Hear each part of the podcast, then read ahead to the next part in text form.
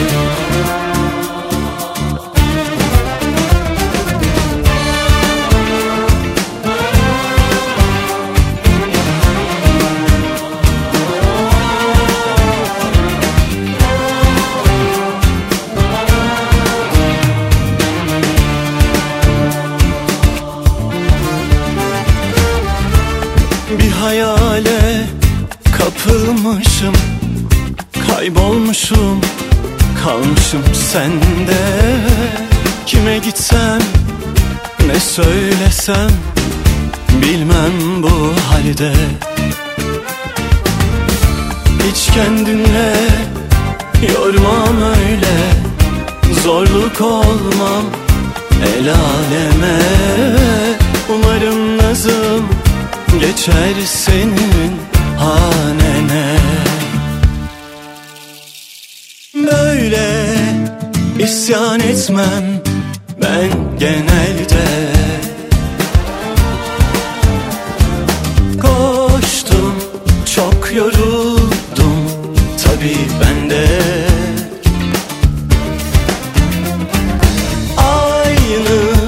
bakmamışsın benle bir yerde. Zaten sevmemişsin herhalde Şimdirini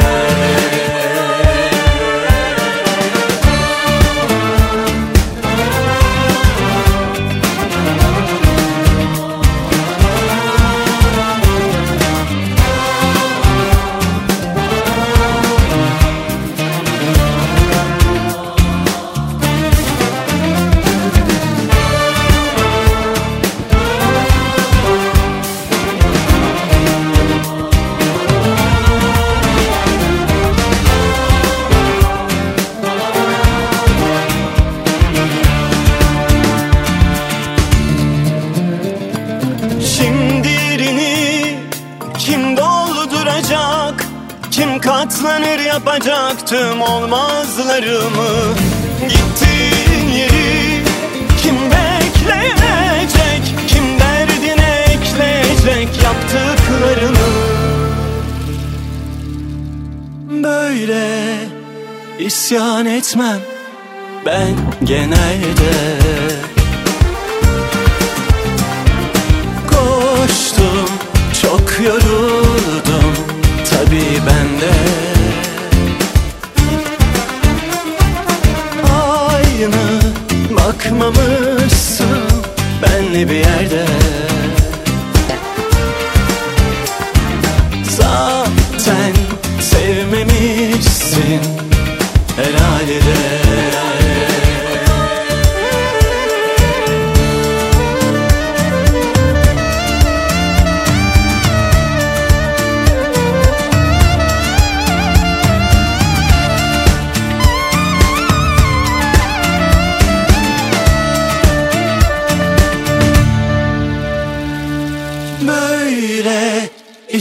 isyan etmem ben genelde.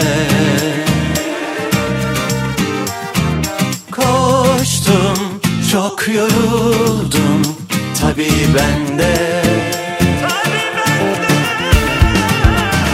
Aynı bakmamışsın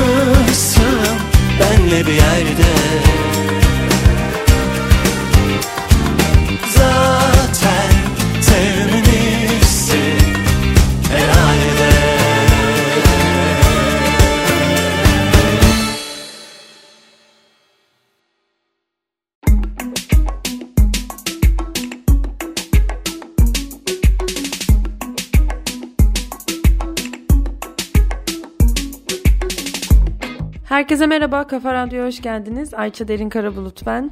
Kitap kafasındasınız efendim. Her çarşamba olduğu gibi bu çarşambada. E, maalesef üzücü bir haberle gözümüzü açtık.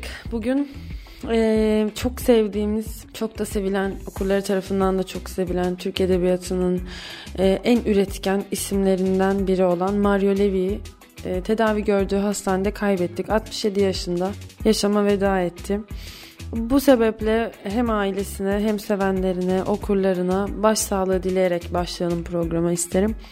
Ve size birazcık Mario Levy'den bahsetmek istiyorum. 1957 e, İstanbul doğumlu, 1975'te Saint Michel Lisesi'nden, 1980'de İstanbul Üniversitesi Edebiyat Fakültesi Fransız Dili ve Edebiyatı bölümünden mezun oldu Mario Levy. İlk yazıları Shalom gazetesinde yayınlandı.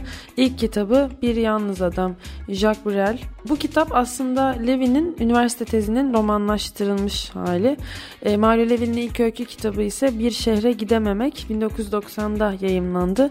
Akabinde Haldun Taner Öykü Ödülü'ne değer görüldü ilk öykü kitabıyla.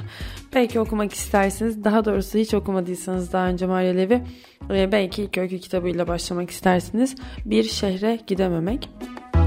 1991'de e, ikinci hikaye kitabı yayımlandı. Madame Floridis Dönmeyebilir kitabın adı. İstanbul'un azınlık çevrelerine ve e, topluma uyum sağlamakta zorlanan insanlarına yer veriyor bu kitabında yazar. 1999 yılında yayımlanan İstanbul Bir Masaldı romanında yine 1920'li yıllarla 1980'li yıllar arasında İstanbul'da yaşamış bir Yahudi ailesinin hikayesini anlattı. Bu roman 2000 yılında Yunus Nadi Roman Ödülüne değer görüldü. E, yazarın yayımlanmış öykü ve roman türünde e, 20'ye yakın kitabı vardı. Dediğim gibi çok üretken bir yazardı. Uğur Batı ile birlikte Devrim Erbil'in tabloları üzerine yazdığı O Maviye Meftundunuz adını taşıyan denemesi de 2021 yılında yayımlanmıştı. Uzun yıllardır Yeditepe Üniversitesi'nde e, yazı yaratımı dersleri veriyordu. Çeşitli yazı atölyelerinde edebiyat ve yaratıcı yazım üzerine programlar yapıyordu. 67 yaşında çok erken bir kayıp. E, son kitabı ise geçtiğimiz aylarda yayımlanmıştı Mario Levy'nin. Kitabın adı Çünkü Fısıltılar vardı. Bu kitap e, özelinde Sibel Oral'a verdiği son röportajında kitaptaki rezillik, moda, edebiyat, emek, şöhret kelimelerinden oluşan cümlelerin günümüz edebiyatına, yazarına ya da aslında çağ bir eleştiri olarak okudum yorumuna birilerinin bugün yaşananlar hakkında iki çift laf etmesi gerekiyor. Ben edebiyatımızın her zaman iyi yazarlar çıkarabileceğine inandım. Aralarında öğrencilerim var. Varlıkları bana heyecan ve umut veriyor yanıtını verip şöyle demişti. Gel gelelim başka bir yakada vasatlığın ve sıradanlığın edebiyata da sirayet ettiğini görmek bende büyük bir öfke uyandırıyor. Bana kaç gerçek edebiyat okuru var sorusunu sordurtacak kadar. Midem bulanıyor. Arada sırada sana ne bundan herkes istediği gibi yaşar. Sen gülümsemene devam et geç diyorum öte yandan. Bu biraz teskin edici geliyor. Varsın isteyen doğru bildikleriyle yaşasın. Evet doğrularımın yükü bana yetiyor zaten. Geçiniz ifadelerini kullanmıştı. Mario Levy'yi her zaman sevgiyle, saygıyla ve özlemle anacağız. Bütün ailesine, sevenlerine ve okurlarına, başta eşi Ece Erdoğuş Levi olmak üzere bütün ailesine sabır diliyoruz. Kısa bir aranın ardından kitap kafasına devam edeceğiz. Adiós,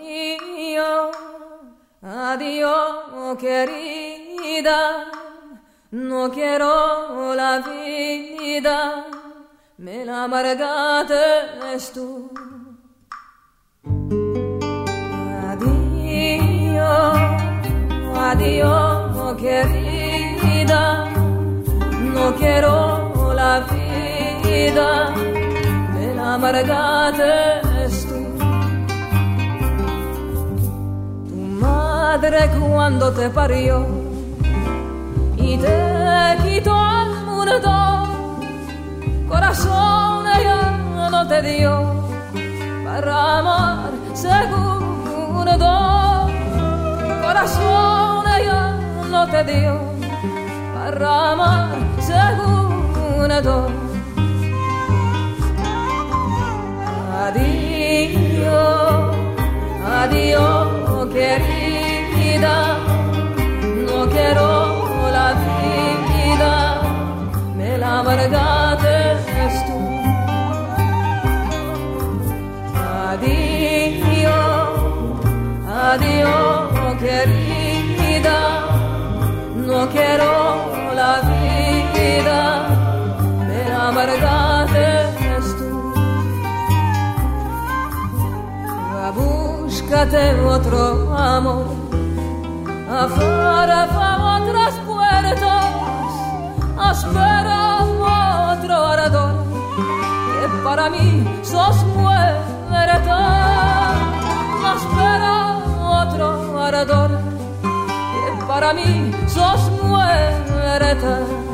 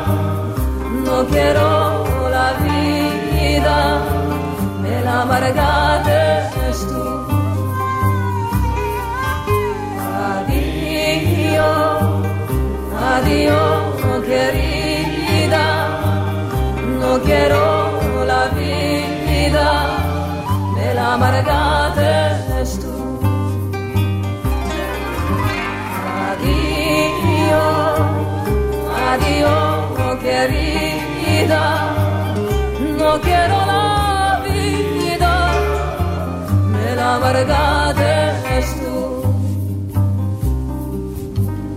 Adiós, adiós, querida, no quiero la vida. Me la amargaste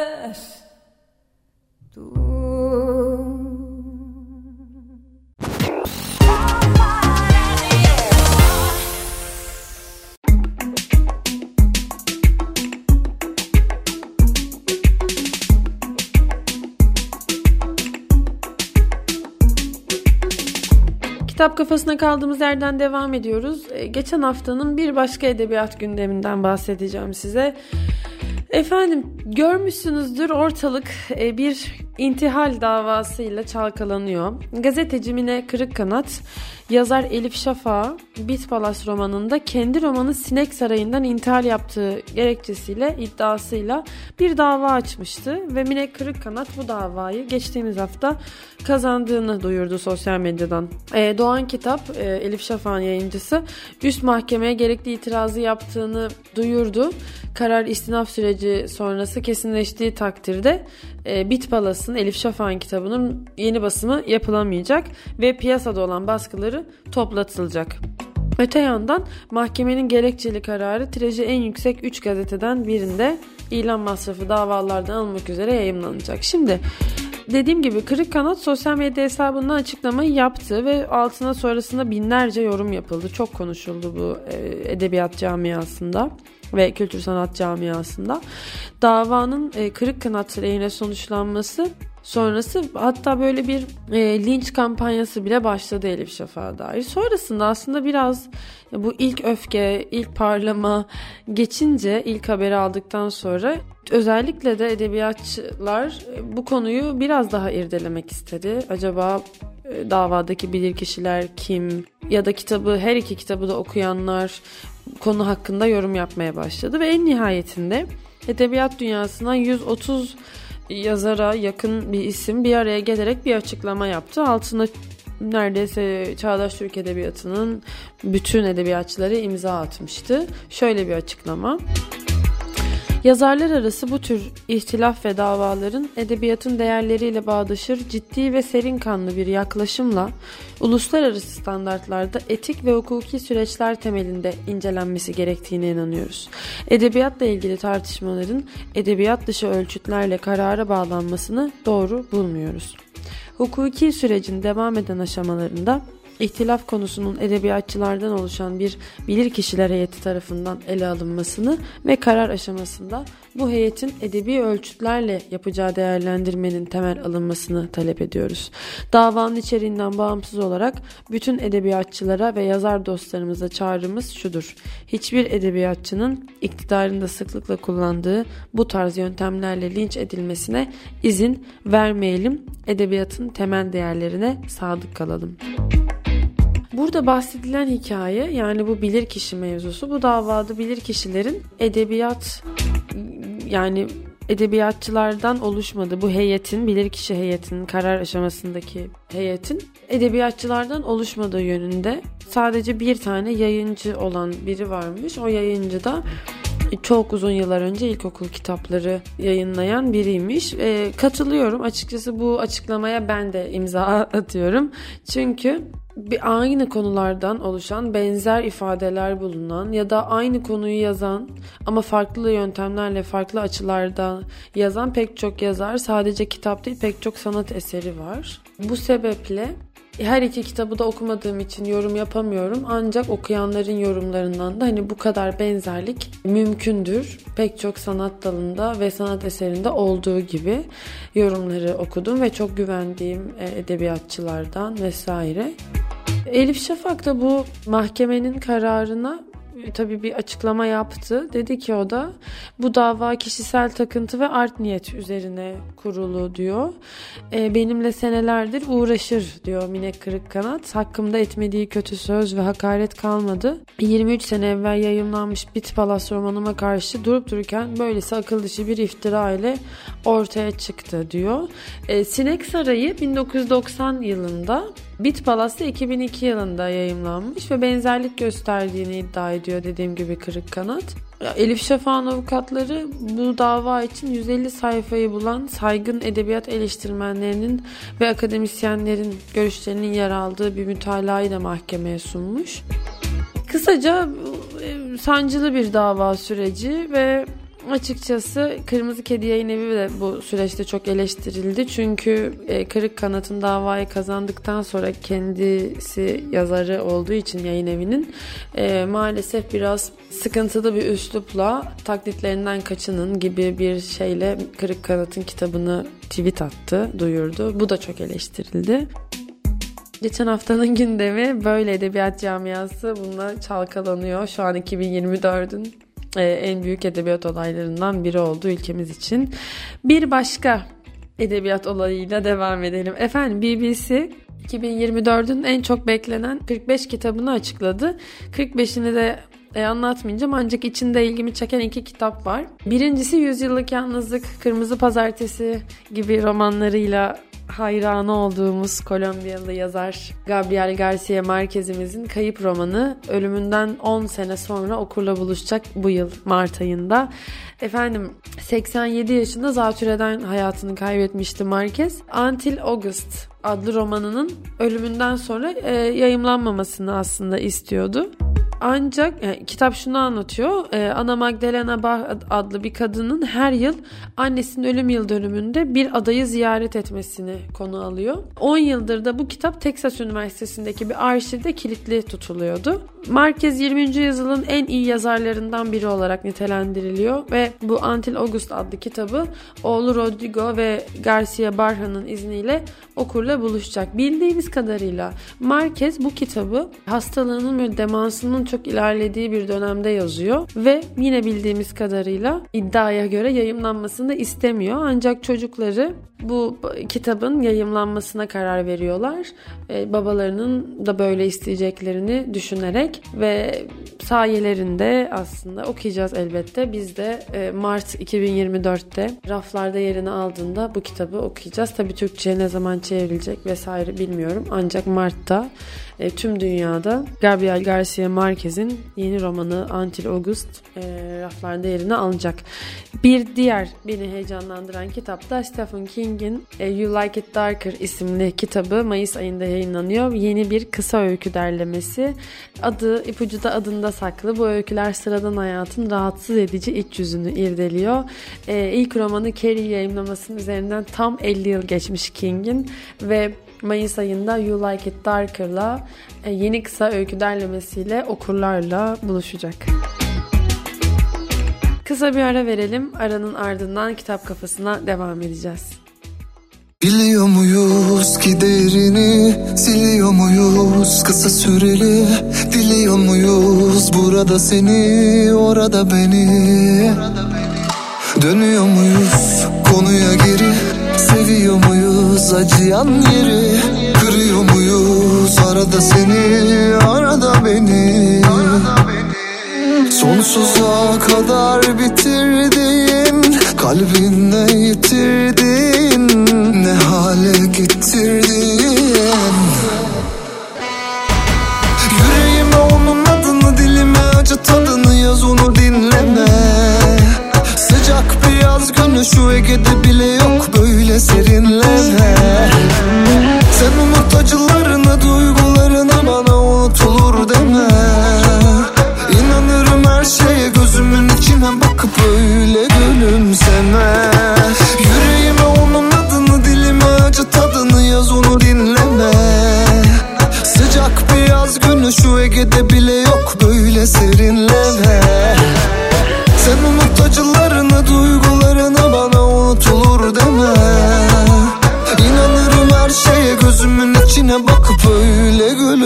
gülümseme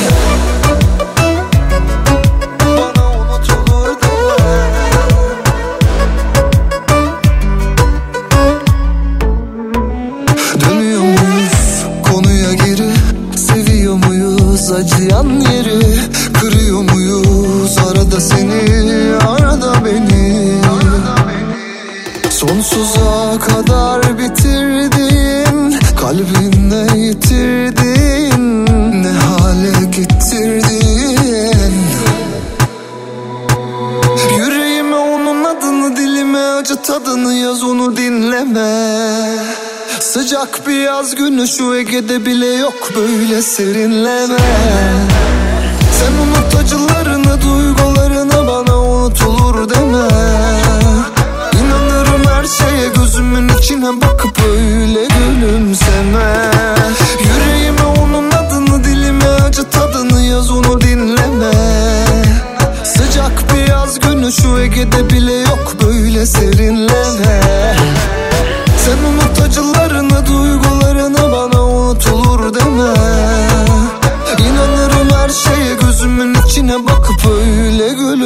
gülümseme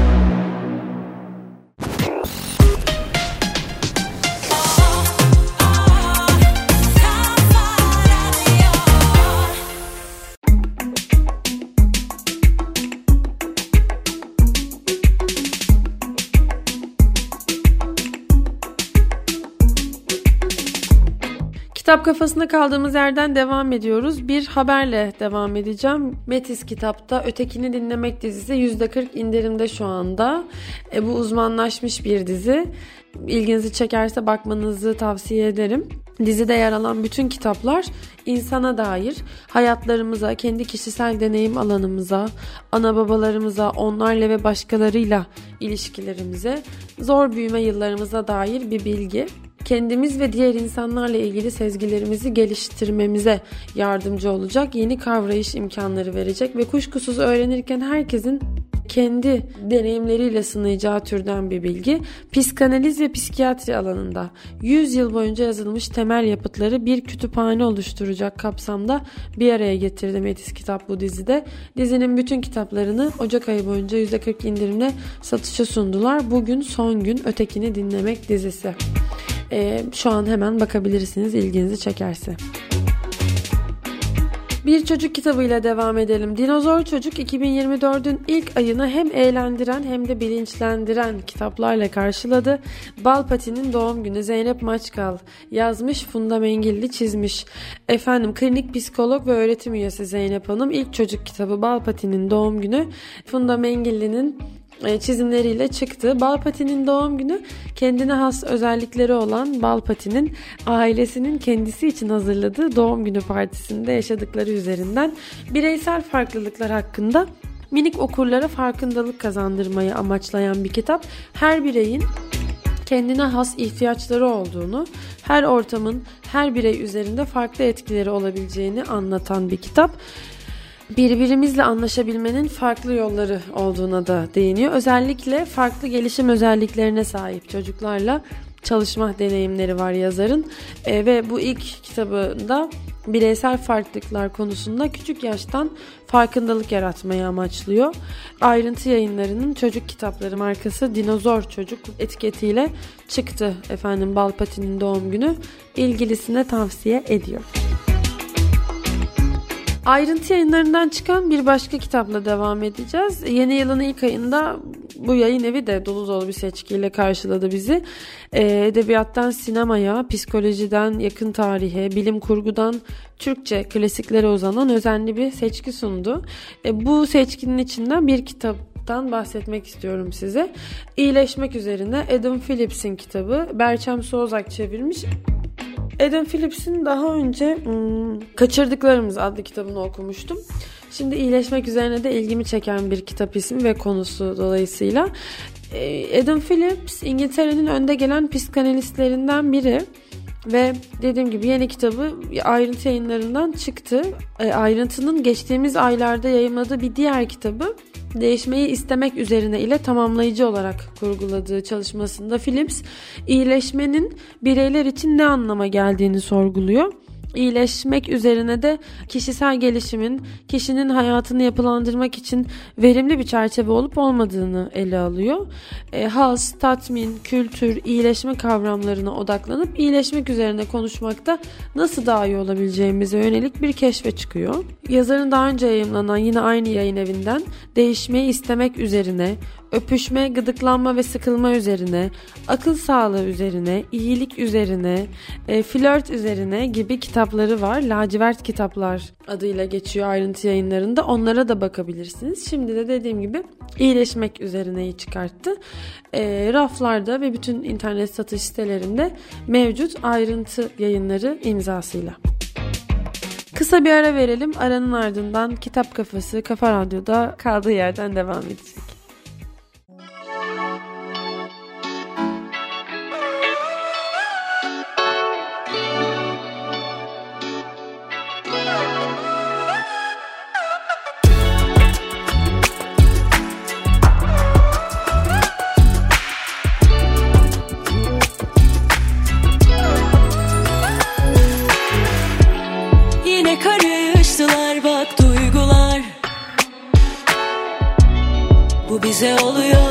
Sıra. Birimizin basılıyor yarasına. Biraz ağır mı geldi cümleler? Yoksa düzelirdik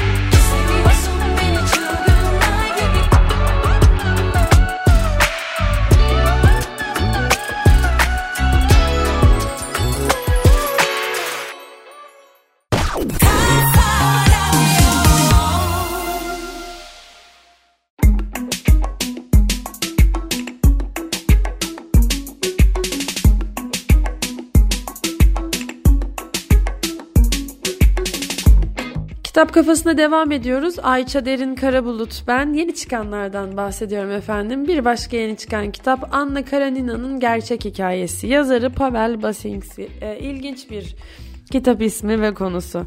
Tolstoy'un en gizemli eserlerinden biri olarak kabul edilir Anna Karenina. Hala incelenmekte ve tartışılmakta olan bir kitaptır. Tolstoy bu kitap için şöyle der. Romanda ifade etmeyi düşündüğüm her şeyi sözcüklerle söylemek isteseydim yazdığım romanı yeniden yazmak zorunda kalırdım. Anna Karenina gerçek hayattan mı esinlendi? Bronski'nin prototipi kimdi? E, Levin Tolstoy'un kendisi mi acaba? Bunun gibi birçok soru büyük olasılıkla tam anlamıyla hiçbir zaman yanıtlanmayacak sorular.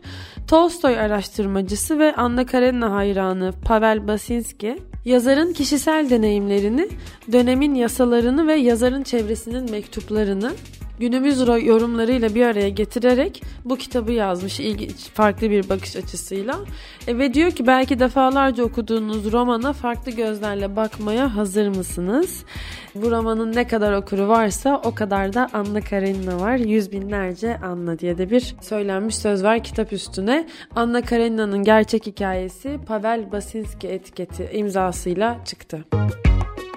Flu kitaptan çıkan bir başka kitap. Kadın bedeninin otobiyografisi. Kitabın adı Hayvan. Sara Pascoe yazmış. Ee, ödüllü İngiliz komedyen Sara Pascoe kadın bedeninde eğlenceli ve aydınlatıcı bir tura çıkıyor bu kitapla. Eğlenirken öğrenebileceğiniz bu arada çok renkli de bir kapağı var pek çok konuya değiniyor ve evrensel bir dille yazılmış. Evrim, cinsellik, geçmiş ve gelecek ele alınıyor. E, hayvani dürtülerimizi ve endişelerimizi anlayıp onları yorumlamamıza yardımcı olacak kahkahalarla dolu bir yol haritası. E, Sara Paskoya hem sahnede hem de televizyon programlarında e, kadınlık ve cinsellik hakkında şakalar yaptı ama artık bu konuları daha uzun bir şekilde anlatabileceği bir kitabı var. Hayvan isimli bu kitap modern kadınları şekillendiren ve etkileyen güçlere dair komik, büyüleyici bir bakış açısı sunuyor. Blue kitaptan çıktı. Sara Pascoe'ye Hayvan, Kadın Bedeninin Otobiyografisi alt başlığıyla. Bir başka haberle devam ediyoruz. Duygu Aseno Roman Ödülü başvuruları başladı. Doğan kitabın yazar Duygu Asena'nın anısını ve fikirlerini yaşatmak için düzenlediği Duygu Asena Roman Ödülü başvuruları almaya başladı. 4 Mart 2024 Pazartesi gününe kadar saat 5'e akşam 5'e kadar 17.00 Doğan Kitap Duygu Asena Roman Ödülü Sekreterliğine teslim edilmesi gerekiyor. Başvurulan eserden 10 adet kitap kopyasıyla beraber. Filiz Aygündüz, İhsan Yılmaz, Elif Tanrıyar, Sibel Oral, Aylin Çiçekçi, Asuman Kafaoğlu Büke e, jürisinden oluşuyor ve başkanlığını Doğan Hızlan yapıyor. E, ödülün bu yılki tutarı da 20 bin liraymış. Romanla başvuruyorsunuz. Başvuran eserden 10 adet kitap kopyasıyla 4 Mart'a kadar Doğan Kitaba bilginize. Efendim Selçuk Orhan'ın Sorularla Oğuz Atay adlı kitabı yine Doğan Kitap etiketiyle yayımlandı. Oğuz Atay 40 yıl aşan bir süredir edebiyatımızın en çok tartışılan yazarlarından biri. Yapıtları, biçimsel özellikleri, tarihsel referansları, çok sesliliği ve düşünsel derinliği açısından okurlara zengin bir dünya sunuyor. Bununla birlikte Atay'ın okurları zorlayan bir yazar olduğu da sıklıkla söyleniyor. Hatta çoğu okur Oğuz Atay'ın biçimsel deneylerle örülü hacimli yapıtları karşısında duraksıyor. E, bu kitap Oğuz Atay'ın yapıtları ve düşüncesiyle ilgili mütevazi bir rehber olarak tasarlanmış. Oğuz Atay'ın yapıtlarıyla yeni tanışmış okurlar kadar e, Atay'la ilgili yani yazarla ilgili e, meraklarını ileriye taşımak isteyenlere yol arkadaşlığı e, da etmesi umuluyor. Sorularla ayrıştırılan e, bölümlerde Oğuz Atay yapıtlarının yanı sıra yaşadığı dönem, dostları ve kişisel hayatına dair ayrıntılar da bulunacak e, Murat Menteş bu kitap için e, yukarıda mütevazi bir rehber yazdığına bakmayın. Harika bir kitap bu diye yazmış. Selçuk Orhan imzalı Sorularla Oğuz Atay kitabı Doğan Kitap etiketiyle yayımlandı. Efendim bir ilk öykü kitabıyla devam ediyoruz. Dünyanın Öteki Yüzü Meltem Dağcı tarafından yazılmış Everest kitaptan çıkmış. 70 yaşına geldiğinde ölüm şeklini seçme özgürlüğüne kavuşan kadınlar, doğum yapan erkekler, ayaklanan cansız mankenler, kimlik avcıları, gençleştiren yumurtalar, rüya görme merkezleri, hayal perileri hepsi Meltem Dağcı'nın alışılmışın dışında bir dünyanın hayalini kuran bu öykülerinde e, bir yeni bir yazarla tanışmak ve iyi öyküler okumak isterseniz Dünyanın Öteki Yüzü adlı kitabı tavsiye ediyorum.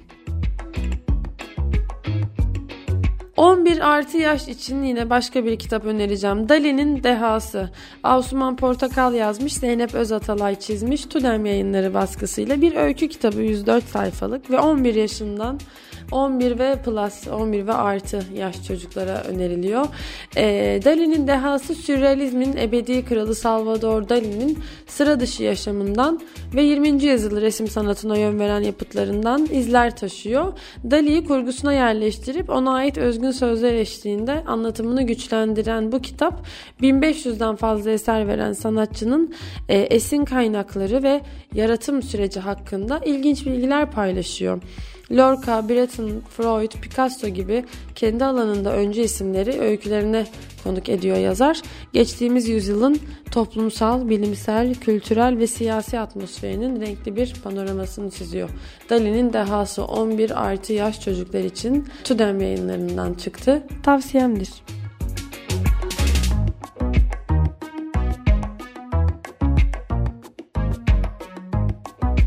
Evet kitaptan çıkan bir başka kitapla devam ediyoruz. Hayalet eski bir hükümlünün itirafları yazarı e, Gerhard Hoffman. E, Hayalet baş karakter Lorenz Lobuta'nın kendi ağzından anlattığı platonik erotik saplantısının hikayesi üzerine kurulu bir kitap.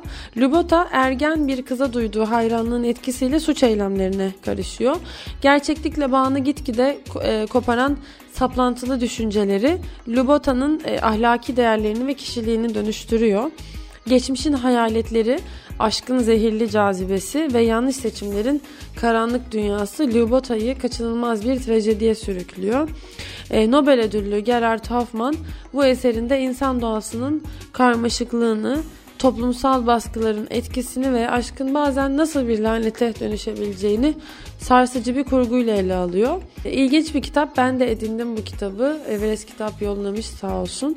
Ee, ve okuyacağım en kısa zamanda. Hayalet eski bir hükümlünün itirafları Gerhard Hoffman'ın yeni kitabı. Kısa bir ara verelim. Aranın ardından Kitap Kafası'nın son bölümüyle sizlerle olacağım. Ne ara gittin bunu kalbime yediremedim Cümleler boş odalar kadar. Söyle buldun mu bir başkasında avundun mu? Tenin ısınıyor mu bendeki kadar? Sen benim elim kolum sana çıkıyor illaki her yolum Hep kaçar gibi son vapurum içinde. Sen olmasaydın sana mecburdum. Bunca şeyden sonra bize ayrılık kararı yakışmadı. Kalbim ağlarken bu ten başka tene hiç dokunmadı Alışamadım. Yabancı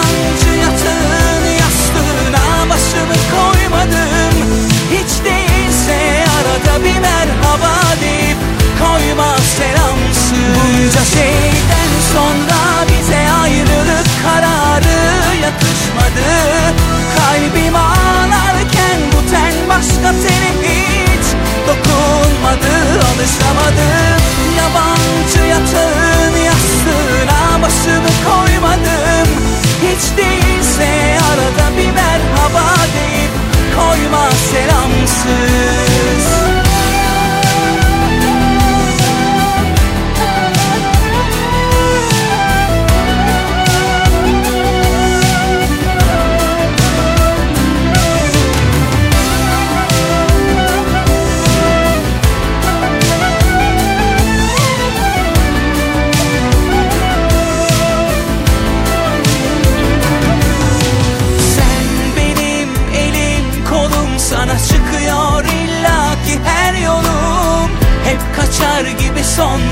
kalbim içinde Sen olmasaydın sana mecburdum. Bunca şeyden sonra bize ayrılık kararı yakışmadı. Kalbim ağlarken bu ten başka tene hiç dokunmadı. Alışamadım yabancı yatağın yastığına başımı koymadım. Hiç değilse arada bir merhaba deyip koyma selamsız Bunca şeyden sonra bize ayrılık kararı yakışmadı. Kalbim ağlarken bu ten başka tene hiç dokunmadı Alışamadım yabancı yatağın yastığına başımı koymadım. Hiç değilse arada bir merhaba deyip koyma selamsız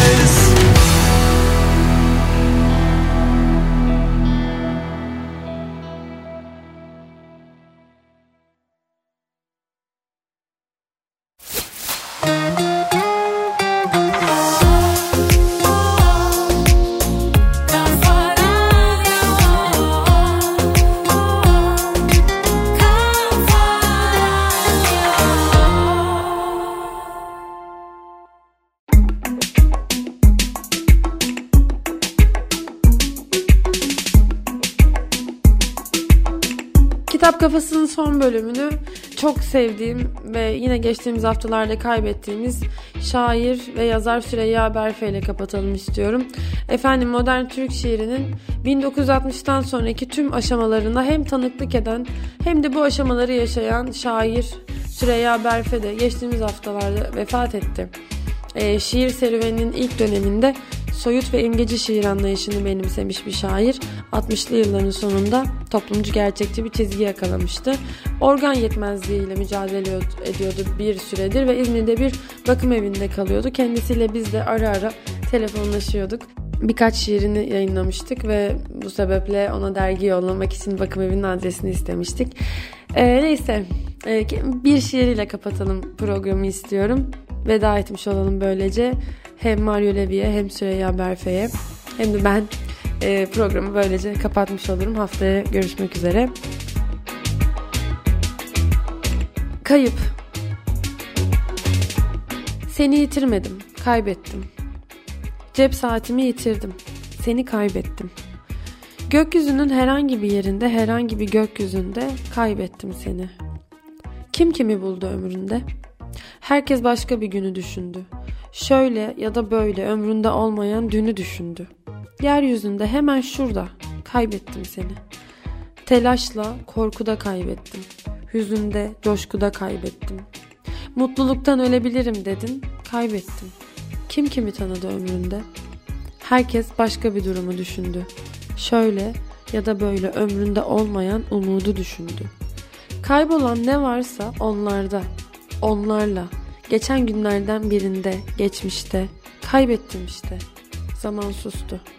Zifiri karanlık bir mağarada ürkek bir yosun ışıdı, kayboldu. Hoşçakalın.